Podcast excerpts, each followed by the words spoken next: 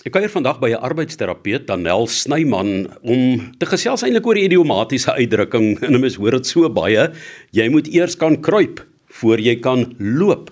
En dit geld natuurlik um, op simboliese vlak vir mense wat in bestuursposisies kom, maar dit kom eintlik van die grondslagfase van die ontwikkeling van die kind af. En onlangs is daar interessante studies wat aan die lig gekom het oor waar ons staan in hierdie moderne era ten opsigte van jonger kinders. En miskien dan help jy vir ons net die sluier lig op wat jy raak gelees het. Hallo Jan, ja, dit is verskriklik interessant. Daar is 'n studie gepubliseer in April hierdie jaar wat gedoen is deur Thrive by 5 in samewerking met die onderwysdepartement. En dit is gedoen met 4 tot 5 jariges wat reeds by vroeë ontwikkelingsprogramme betrokke is. Hulle het bevind 65% van kinders voldoen nie aan die verwagte standaarde vir hulle ouderdom nie. Met ander woorde, hulle is nie skoolgereed nie en begin graad R reeds met 'n agterstand. Die standaarde waarin dit gemeet is, was met grofmotoriese ontwikkeling, fynmotoriese koördinasie en visuomotoriese integrasie, vroeë getalbegrip, kognisie en dan ook taalvaardighede. En interessant genoeg is die area waar die grootste probleme was met fynmotoriese ontwikkeling. Net 30% kinders, met ander woorde 3 uit 10 kinders, was op hulle ouderdomsvlak met hierdie fynmotoriese ontwikkeling. En dit is ook wat ek in ons omgewing en in ons skole ondervind. Die kinders se fynmotoriese ontwikkeling is 'n geweldige probleem. 'n Paar jaar gelede het ek in ons omgewing 'n opname gedoen onder graad R en graad 1 leerders en oor 2 jaar het hierdie bevindinge wat in die studie van Thrive by 5 gedoen is gekorreleer in ons omgewing.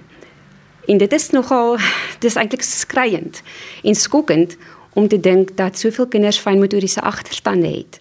Want dit is die die skryf wat 'n probleem is. Dit is nie dis nie iets wat weg kan gevat word as jy as jy begin met skool nie. Almal het 'n pen en papier nodig. Is die oplossing om dan vinniger, wil ek amper sê, 'n uh, 'n pen in die hand te druk of wat sou jy eerstens die rede hiervoor? Juis nie. Die rede persoonlik dink ek is tweeledig. Um een daarvan is te vinnige pen in die hand druk. Persoonlik dink ek eerstens is die verwagtinge wat te drasties verander het oor die laaste paar jaar die eerste probleem. Toe ek op A2 is, het ons klei gespeel en het ons ingekleer. En nou reeds in graad R is daar 'n lys akademiese verwagtinge waaraan die kinders moet voldoen. En tog is die ontwikkeling van kinders nog steeds dieselfde as wat dit al al die jare was. Mamas is steeds 9 maande swanger, babas moet steeds sit en kruip en loop op dieselfde ouderdomme as wat hulle nog al die jare moes. Natuurlik is daar kinders wat voldoen aan die vereistes. Die studie bewys dit. Volgens die studie is 'n volle 30% gereed. Maar wat van die ander 70%? Hulle moet kompenseer omdat hulle nie aan die vereistes voldoen nie. 70% mis iewers boustene. En ek wil terugkom na hierdie boustene toe ons net verder daaroor gesels. Tweedens is die die probleem die blootstelling wat die kinders kry. Nou hier trap 'n mens altyd op iemand se tone. Ons kinders speel nie meer nie. Hulle volg 'n gestruktureerde program wat op die minuut vir hulle uitgewerk word en hulle middag is so vol met hierdie beplande gestruktureerde aktiwiteite dat die tyd vir kindwees verlore gaan. Nou ons het nie beheer oor die verwagtinge wat aan kinders gestel word nie. Uh, CAPS kurrikulum is daar en ons het geen beheer oor oor wat van hulle verwag word in skole nie, maar oor die blootstelling wat ons vir hulle gee, het ons wel beheer. So ons moet vir hulle toerus om aan hierdie vereistes te voldoen so goed soos wat ons kan. Ons moet vir hulle die boustene gee wat nodig is om aan hierdie vereistes wat CAPS aan hulle stel te kan voldoen. Nou goed, die verwagtinge is uh, te hoog, die blootstelling is te min of verkeerd. So, hoe gaan ons dan nou die pad vorentoe? Weet jy Johan, dit is eintlik ons moet onsself bemagtig om te weet wat presies van ons kinders op elke ouderdomsvlak verwag word. En ek dink dit is ongelooflik belangrik om te weet wat jou kind op elke ouderdom veronderstel is om te kan doen. Want kinders ontwikkel soos wat 'n gebou gebou word. Die fondasie moet vas en goed wees. En hoe sterker jou fondasie is, hoe makliker kan jy steen vir steen daarop bou.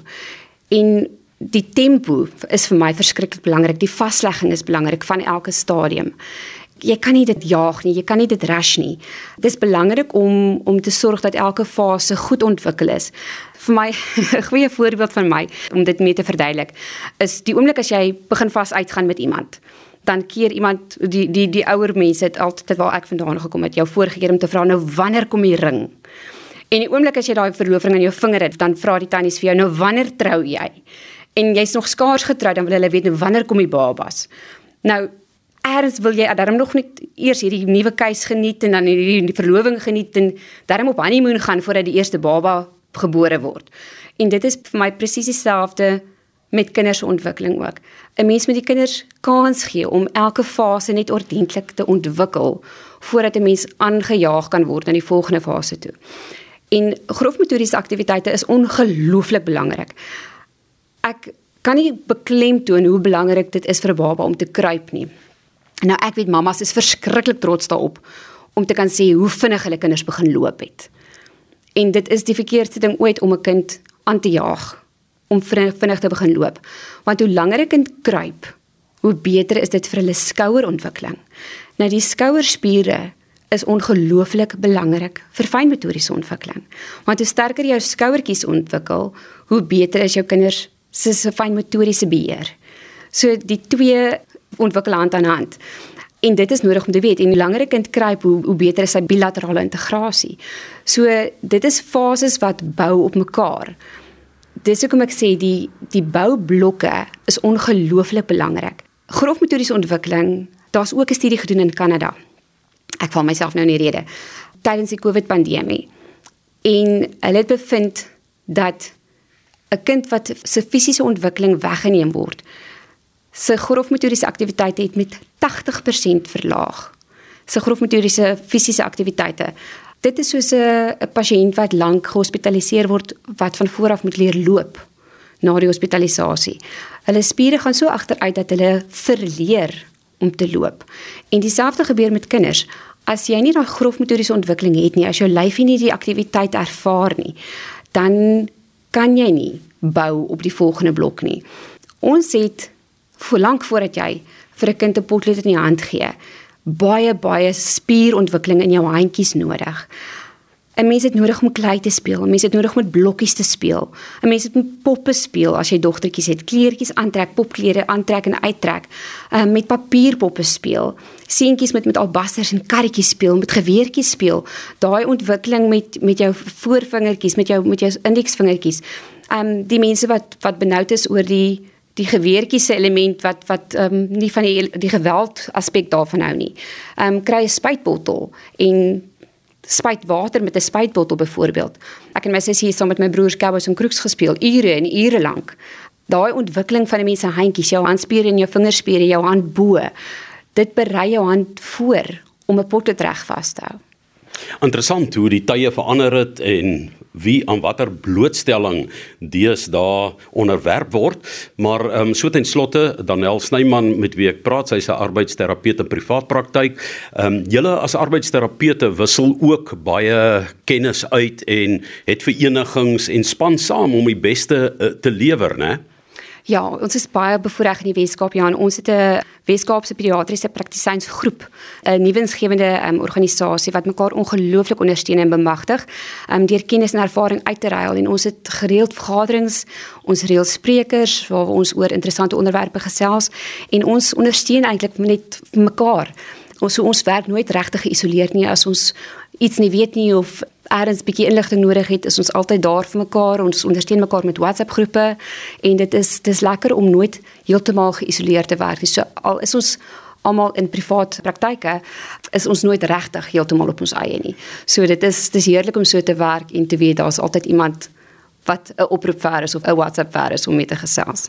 Dis Daniel Snyman as mense oor hierdie studies met jou wil praat en uh, met jou in verbinding wil tree of um, waarheen jy hulle ook dan sal kan verwys indien nodig. Vertel vir ons gou hoe mense met jou in aanraking kan kom. Jy is welkom om my te kontak. My e-posadres is daniel.snyman@gmail.com spel Danel want daar's 20 maniere van Danel spel. O ja, dis 'n belangrike een. Ehm um, dis net soos jy hom sê D A N E L. Danel.snyman@gmail.com.